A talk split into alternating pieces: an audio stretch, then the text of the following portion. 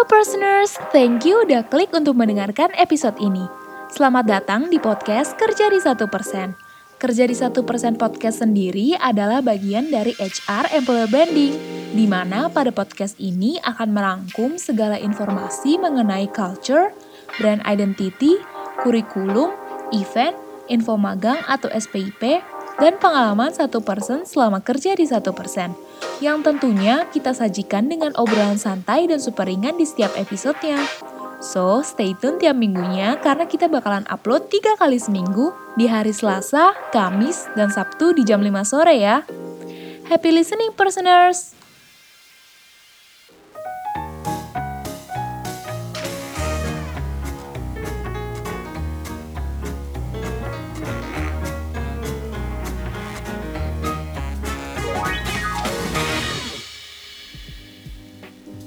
Halo Perseners, balik lagi di Kerja di 1% Podcast bareng Dela pastinya.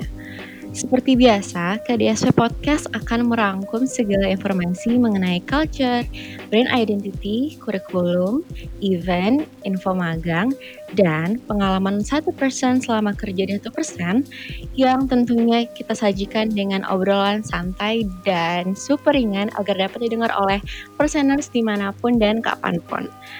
Jadi gini, tema podcast hari ini tuh keren banget dan gak kalah sama podcast KDSP uh, sebelumnya.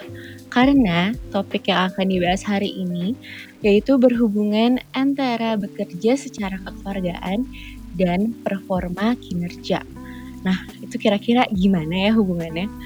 Oke deh, pertanyaannya di hold dulu karena yang akan menjawab tuh nggak cuma gue sendirian, gue akan mengundang narasumber yang bakal nemenin gue ngobrol-ngobrol hari ini yang pastinya udah gak asing lagi. Untuk para persener semua gue yakin. Narasumber ini langsung aja gue panggil ya. Kak Farhana. Halo Dela, halo teman-teman. Halo Oke nih kak, kayaknya sih harusnya semuanya udah pada tahu Kak Farhana nih ya.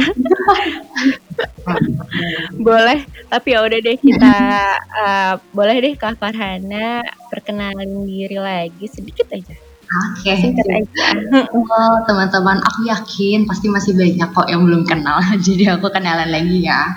Halo teman-teman semua, halo Dila. Perkenalkan aku Farhana, kebetulan di satu persen sebagai chef business support dan mungkin kalau teman-teman ngikutin episode-episode sebelumnya sudah pernah mendengar aku juga. Jadi jangan bosan ya dengerin aku lagi hari ini.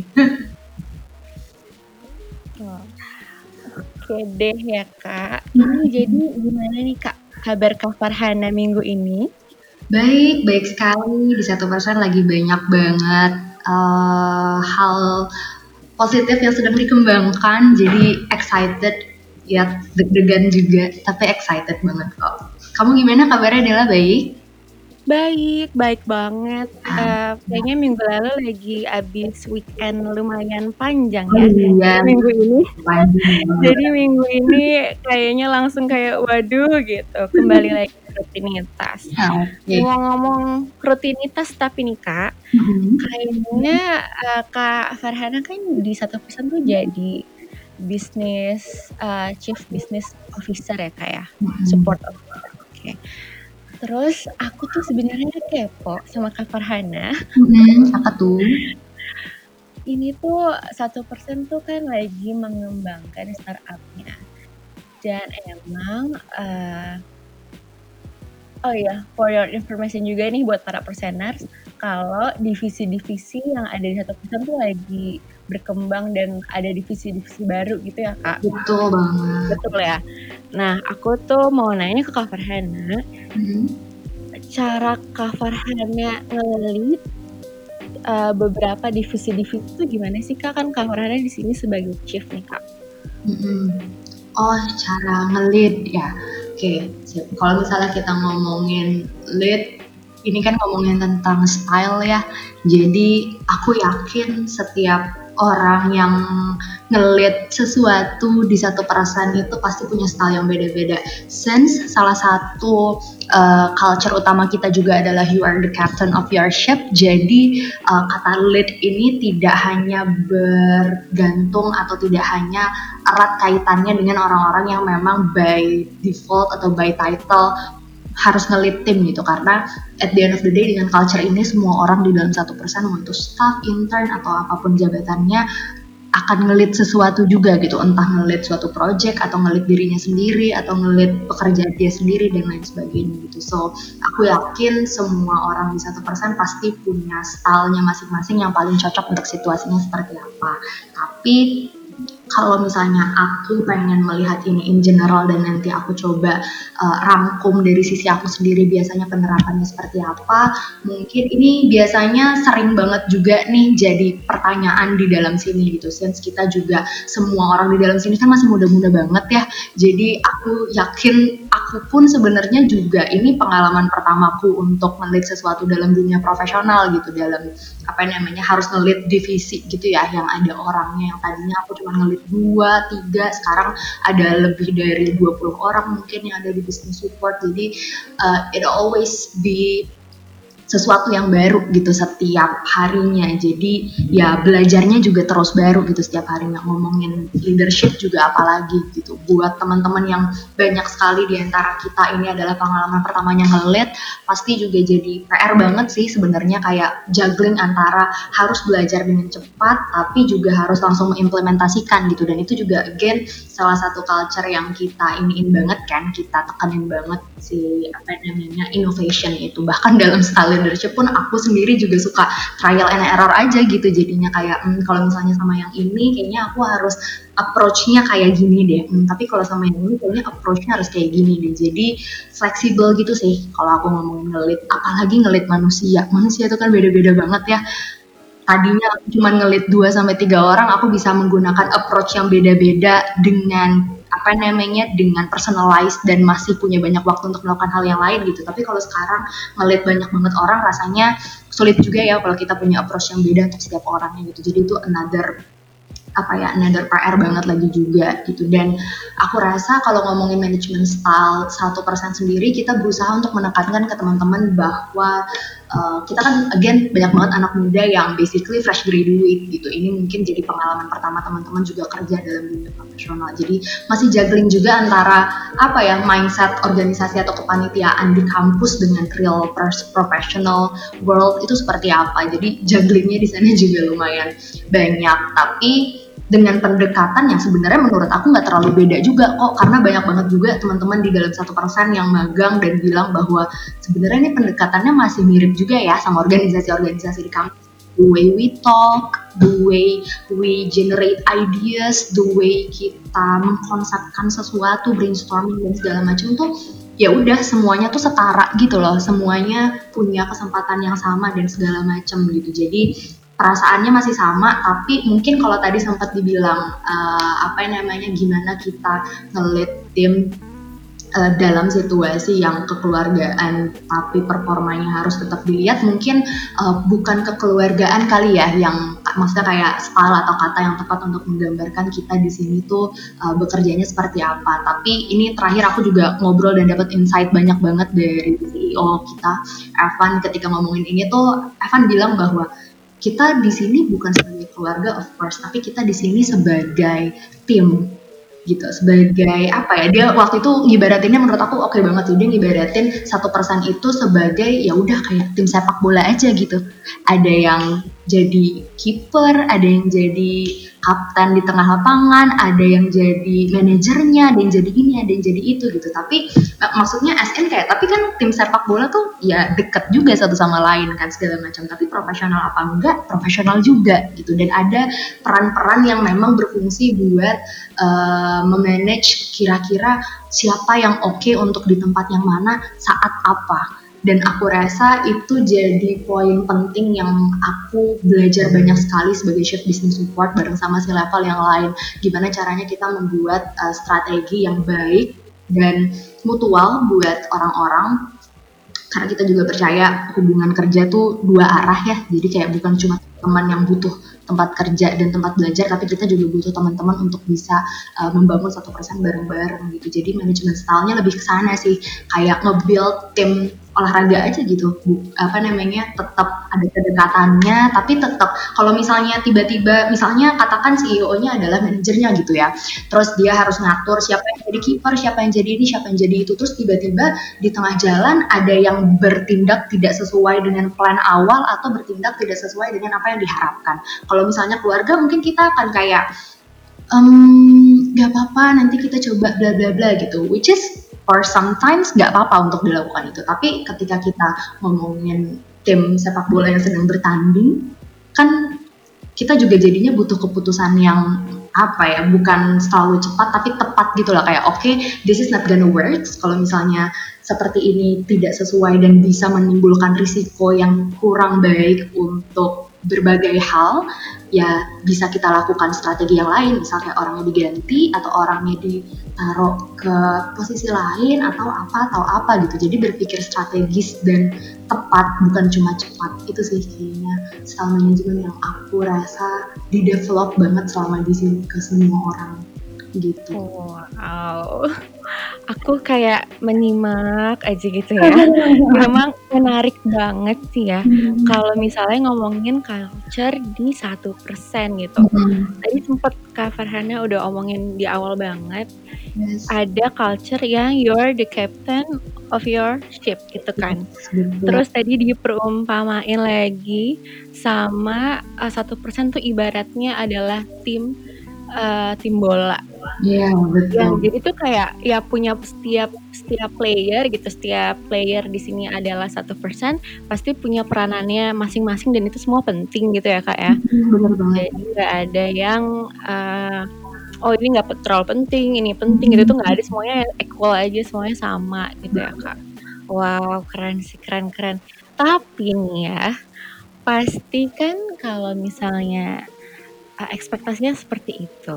Hmm. Tapi jika kenyataannya di lap, di lingkungan kerjanya itu tuh uh, nemuin uh, untuk uh, Kak Farhana sendiri ya pribadinya hmm. sendiri itu nemuin kesulitan yang paling sulit mungkin apa sih Kak kalau se jadi seorang si level Oh, wah ini kelas yang panjang ya untuk memilih yang paling susah ya. Karena ya again ini pengalaman pertama aku juga jadi si level. Jadi everything has its first time dan buat aku rasa setiap hari selalu ada sesuatu yang baru gitu. Kita ibaratnya biasanya kalau ngomong di sini nemuin sesuatu yang baru tuh wah you learn something new every day gitu. Jadi kayak ya udah semuanya serba baru. Tapi satu kesulitan yang mungkin aku paling sulit sebagai leader itu adalah dulu I used to be one woman show gitu ngurusin semua bisnis support tuh sendirian. Waktu itu cuma dibantu sama salah satu timku di tim finance. Tapi basically semuanya sendirian. Dan kemudian secara apa namanya startup kita sudah grow banyak banget. Yang tadinya aku dari generalist ngerjain semua hal sendirian terus tiba-tiba aku kedatangan tim sedikit demi sedikit lama-lama jadi banyak banget. Kayak sekarang switch banget juga kan style kerjanya yang tadinya aku terbiasa untuk mengatur jadwalku sendirian, ngerjain semua hal sendirian, terus tiba-tiba dapet banyak tim untuk bisa bantu, uh, jadinya secara style management juga berbeda banget gitu karena uh, perlu another kemampuan yang aku rasa aku masih belajar banget sih sampai sekarang which is delegating. Mungkin buat orang-orang delegating jadi hal yang uh, apa ya mudah atau malah menyenangkan gitu ya. Karena uh, apa namanya jadinya jatuh kayak ya udah gue dibantuin aja gitu kan. Tapi buat aku yang memang kecenderungannya aku tuh punya kecenderungan dari dulu banget sampai sekarang adalah kalau aku bisa kerja sendiri mendingan aku kerjain sendiri dulu. Yang aku pikir aku pikir mindset itu tuh baik gitu loh. Aku pikir mindset itu tuh kayak ya udah gitu inti artinya aku pengen berperforma maksimal dan aku nggak pengen nyusahin orang. Tapi at the end of the day selama aku carry out that kind of mindset di sini dengan perubahan yang tetap terjadi tapi mindsetku nggak berubah ternyata lama-lama nggak match dan jadinya banyak dampak negatif yang aku aku gak tahu bisa dirasakan sama banyak pihak. Bukan cuma aku doang. Aku jadi keteteran babak belur karena ya udah gitu. Semuanya kerjaannya makin lama makin banyak tapi udah aja gitu semua sendiri dikerjain. Terus uh, apa namanya up timku yang berharap bisa belajar banyak dan dikasih banyak tanggung jawab juga jadinya gak mendapatkan ekspektasi yang mereka inginkan karena aku terbiasa buat ngerjain semuanya sendirian dulu terus nanti tinggal dilanjutin aja gitu. Jadi kayak part formingnya part yang susah-susah di awalnya tuh aku kerjain dulu supaya aku bisa make sure bahwa oke okay, ini kalau misalnya aku transfer ke orang tersebut aku sudah bisa uh, yakin bahwa pasti akan sejalan hasilnya dengan apa yang aku ekspektasikan. Which is itu aku rasa bukan buat aku ya, buat aku pribadi dan untuk saat ini bukan style leadership yang bisa ngedevelop atau membangun orang dengan baik sih. Karena jatuhnya aku jadi kayak nggak ngasih kesempatan untuk orang atau untuk timku belajar dan mengambil peran yang harusnya bisa mereka jalankan gitu. Simply karena aku terbiasa untuk ngerjain sendiri dan jadinya um, bukan trust issues juga sih tapi lebih ke kayak mendingan aku aja deh supaya nanti maksudnya kayak nggak banyak uh, kesalahan nggak banyak ini nggak banyak itu gitu. Tapi sebenarnya itu bukan bukan hal yang baik. Ternyata kalau dijalani terus menerus dengan kondisi sekarang semua timnya udah banyak gitu. Kayak ya udah jadinya orang-orang kan kehilangan kesempatan buat belajar akunya juga kelelahan dan jadinya uh, quality dari kerjaannya juga lama-lama jadinya nggak sebaik itu karena banyak banget yang dikerjain kan jadi ya banyak banget aja sih jadi dampak negatifnya simply karena aku nggak terbiasa delegating dan aku rasa itu pelajaran besar banget sih buat aku selama uh, di satu persen ini. Oke, wah kayaknya tapi setiap Eh, satu persen yang ada di satu persen tuh punya emang punya masalahnya masing-masing dalam menghadapi iya. kerjaan gitu mungkin ya kayaknya seorang si level punya apalagi yang bawahnya juga pasti punya. Iya, tapi ini ya kan tadi kita udah ngomongin nih balancing antara si kekeluargaan dalam bekerja dan performa kinerja. Hmm. Tapi aku punya nih kak balancing balance yang lain. Apa tuh? Adalah balance secara physically dan hmm. secara mentally. Oh, okay. gitu. dalam kerja apa gimana? Dalam segala hal, tapi kayaknya uh, kalau itu nggak balance tuh akan berdampak ke semuanya sih ya. Hmm. Terus kalau misalnya di satu uh, persen hmm. employernya atau satu persen kita biasa sebut ya kak itu tuh mengalami kadang kadang-kadang mungkin mentalinya lagi tidak baik atau lagi ada masalah-masalah apa pun gitu ya itu tuh mereka bisa gak sih Kak ikut konsultasi juga di satu persen atau bisa cerita juga gak sih sama mentor atau sama psikolognya satu persen Kak?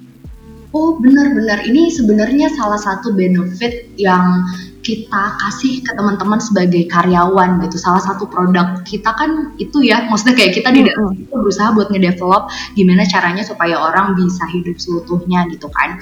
Dan salah satu yang eh dan uh, intervensi yang kita coba berikan ke orang opsinya jadinya banyak dan salah satunya adalah konsultasi which bisa sama mentor, bisa sama psikolog. Dan teman-teman sebagai karyawan salah satu benefitnya adalah bisa menggunakan kedua uh, konsultasi tersebut dengan apa namanya dengan cuman uh, bayar biaya pokoknya doang.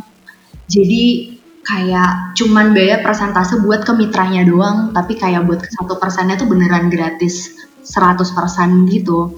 Simply karena kita juga yakin dan percaya bahwa kan itu maksudnya produk yang kita develop ya through many research dan lain sebagainya. Dan kita yakin eh, sorry bukan kita yakin dan kita melihatnya sih fenomenanya cukup banyak uh, situasi di mana ketika kita sedang bekerja ketika kita berkarya dan lain sebagainya ada momen-momen di mana mungkin kita jadinya punya banyak pertanyaan ke diri sendiri mungkin kita jadinya ngerasa butuh bantuan dari berbagai aspek gitu kan ya namanya hidup uh, apa namanya apalagi di usia-usia teman-teman yang ada di satu persen sekarang um, banyaknya tuh um, apa ya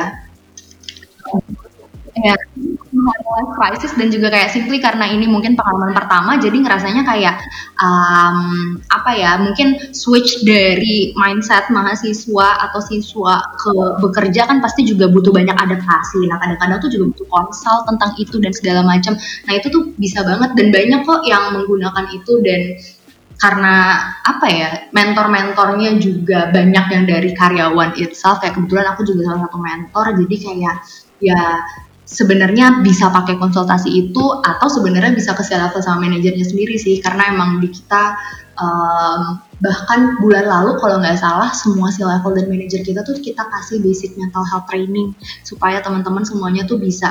Aku sama Evan dan Karisti waktu itu ngomonginnya um, manager tuh penting punya basic mental health uh, apa namanya basic mental health uh, skill sih karena ketika kita ngelit manusia mau nggak mau pasti kita juga harus deal with segala aspek kemanusiaannya kan which kita juga jadinya harus peka dan harus bisa uh, think creatively kira-kira apa yang terbaik buat karyawannya apa yang terbaik buat tim kita dan apa yang terbaik buat satu persen juga gitu. jadi uh, skill itu aku rasa juga ke develop di manager dan si level kita juga gitu sih. Meskipun kalau teman-teman kadang-kadang kan kalau misalnya kita lagi di dunia kerja agak apa namanya eh sorry. Kalau misalnya kita lagi ada di usia-usia kayak gini nggak melulu soal kerjaan kan ya yang jadi masalah dan pengen dicurhatin. Jadi kalau misalnya memang kadang-kadang ngerasanya kayaknya butuh orang lain dari di luar orang kantor yang perlu aku ceritain tentang aspek kehidupanku yang lain ya bisa diceritain juga lewat konsultasi itu gitu. Atau bahkan kita juga kan kita punya webinar sama kelas online yang udah banyak banget ya. Dan apa namanya bahkan teman-teman di satu persen itu juga uh, selalu kita kasih akses gratis gitu sih ke semua event kita. Mau itu kelas online, mau itu webinar, teman-teman tuh bisa beneran akses. Dan biasanya setiap hamin satu tuh kita uh, chat aja gitu di channel general di Microsoft Teams kita. Kayak guys besok ada webinar ini yang mau ikut langsung akses linknya aja ya bla bla bla bla bla bla. Jadi kayak beneran ya udah silahkan gunakan semua resource yang kita berusaha produksi dari dalam sini supaya teman-teman juga bisa berkembang selayaknya orang-orang yang beli gitu Oke tuh dengerin ya. Nih satu person yang yang dengerin podcast ini. Tolong dimaksimalkan. Benar. Apalagi coba. Fasilitas yang tersedia ya kak.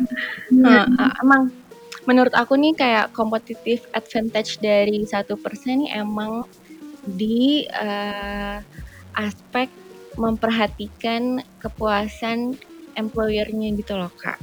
Oh. keren banget sih. Maksudnya kan benar-benar peduli akan employernya gitu. Nah, tapi nih ngomong-ngomong employer juga, apa sih uh, pribadi Kak Farhana ya? Mm-hmm. Apa hal yang Kak Farhana tuh kayak senangi atau bangga banget nih sama para employer yang ada di satu persen? Wah, banyak banget sih. Kan harus milih ya, bentar ya, aku coba dulu. Tapi banyak banget karena uh, waktu itu salah satu yang membuat aku join ke sini waktu itu adalah simply karena aku kangen kerja bareng sama teman-temanku. Karena emang uh, apa namanya kebetulan uh, waktu itu teman-teman yang uh, ada di early days-nya ngebangun satu persen tuh teman-temanku juga di kampus. Jadi kayak dulu tuh cuman beneran kayak kangen jadi kayak pengen kerja bareng lagi dulu kerja bareng di band dan segala macam gitu. Dan tapi kemudian aku mendapatkan benefit dan mendapatkan banyak sekali gambaran yang aku ngerasanya kayak gila orang-orang keren banget ya gitu. Simply karena aku tuh biasanya selalu amazed. Kan aku di dalam bisnis support tuh ada tim HR ya jadi aku juga banyak berkaitan sama proses rekrutmen people development employee journey dan lain sebagainya gitu.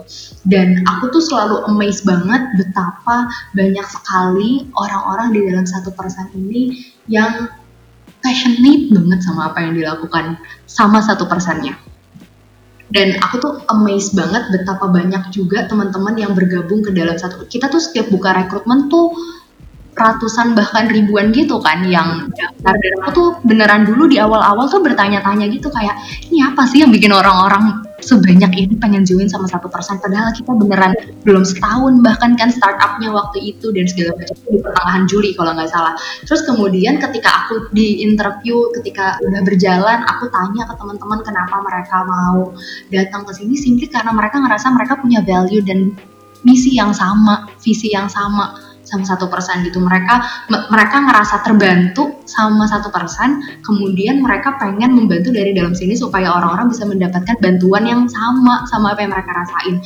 Tuh aku kayak oh kayak itu moment of realization banget sih buat aku. Kayak oh gini toh rasanya kerja bareng sama orang-orang yang passionate dan tahu mm-hmm. apa yang apa dampak yang bisa mereka berikan dari apa yang mereka kerjain sehari-hari gitu sih. Jadi aku rasanya kayak wow senang banget kerja sama orang-orang kayak gini tuh gitu sih berbagi itu indah gitu kali ya kak ya. Bayang indah berbagi visi coba. Bagus banget kan. Oke deh. Nih aku uh, satu hal yang terakhir deh terakhir yang aku kepoin dari Kak Farhana boleh ya? Aku masih kepo ini. Menurut dari perspektif Kak Farhana nih ya, gimana sih tips and trik menjadi pekerja yang profesional? Oh, tips and triknya. Menurut aku yang pertama adalah tahu medan sih. Uh, akan sulit banget bagi semua orang masuk ke lingkungan mana pun dengan clueless gak tahu sama sekali nanti ekspektasinya apa, gak tahu sama sekali nanti harus ngapain, gak tahu sama sekali dia pengen ngapain dan pengen ngejar apa di dalam sana gitu. Sulit sekali untuk semua orang aku rasa ketika mereka masuk ke sana dengan clueless gitu tanpa ekspektasi, tanpa pengetahuan mereka mau ngapain, tanpa ini, tanpa itu. Meskipun aku tahu buat kita yang ada di usia-usia ini mungkin kayak agak bingung ya untuk kayak ah, nggak tahu banget lagi tujuan jangka panjang apa gitu kayak itu hal yang ini banget ya sering banget aku temui juga gitu. Dan gak apa-apa bukan bukan itu yang harus dicari seawal sedini sekarang gitu. Tapi simply kayak oke okay, aku mau masuk satu persen sebagai uh, posisinya X aku akan ngerjain apa nanti aku tahu aku tahu nanti di satu persen kira-kira pace-nya seperti apa culture-nya seperti apa orang-orangnya seperti apa dan aku tahu aku pengen dapet apa di dalam sana. Aku rasa itu tips satu-satunya tips and trick yang aku rasa akan sangat berguna buat semua orang memasuki memasuki dunia kerja atau dunia atau perusahaan mana pun sih untuk apa namanya bisa membantu teman-teman juga untuk mengevaluasi juga perjalanannya worth atau enggak perjalanan belajar dan berkaryanya sudah sesuai dengan ekspektasi atau enggak gitu. Jadi bukan lagi nyadarnya tuh kayak udah bertahun-tahun kerja di tempat yang nggak tahu udah jalanin aja gitu terus baru nyadarnya di akhir-akhir yang kayak oh ternyata bukan ini ding yang gue mau ternyata bla bla bla gitu. Sebenarnya nggak apa-apa juga sih untuk mencoba dan baru tahu belakangan. Tapi kayak kalau bisa kita ketahui dan cari tahu dari awal kenapa enggak gitu kan? Ya trial error sekali-sekali ya nggak apa-apa gitu kali ya kak ya. Kalau kalau cara satu persen sih jangan lupa juga punya plan B atau rapid recovery plannya tuh kayak apa hmm. walaupun nyoba-nyoba gitu. Tetap ada responsibility yang harus ditanggung oh, kali ya hmm, hmm. Oke deh Kak Farhana, makasih banget kayaknya segitu aja nih aku kepo-kepoin Kak Farhananya. Semoga membantu ya menjawab pertanyaan. Terima kasih udah mau sharing-sharing Kak Perseners. Yang ingin tahu lebih lanjut nih pasti dari satu persen. Nah, untuk perseners yang merasa tertarik dengan konten-konten menarik dari satu persen, jangan lupa terus pantengin sosial media satu persen official dan kerja di satu persen. Ini kita uh, sosial medianya tuh udah ada apa aja kak? Instagram. Instagram, uh, ini satu persen kan ya? Mm -mm. Banyak banget YouTube, Instagram, Twitter, Facebook, TikTok TikTok. Bahkan kita sekarang udah punya Line juga ada official account dan open chatnya tuh diskusinya rame banget.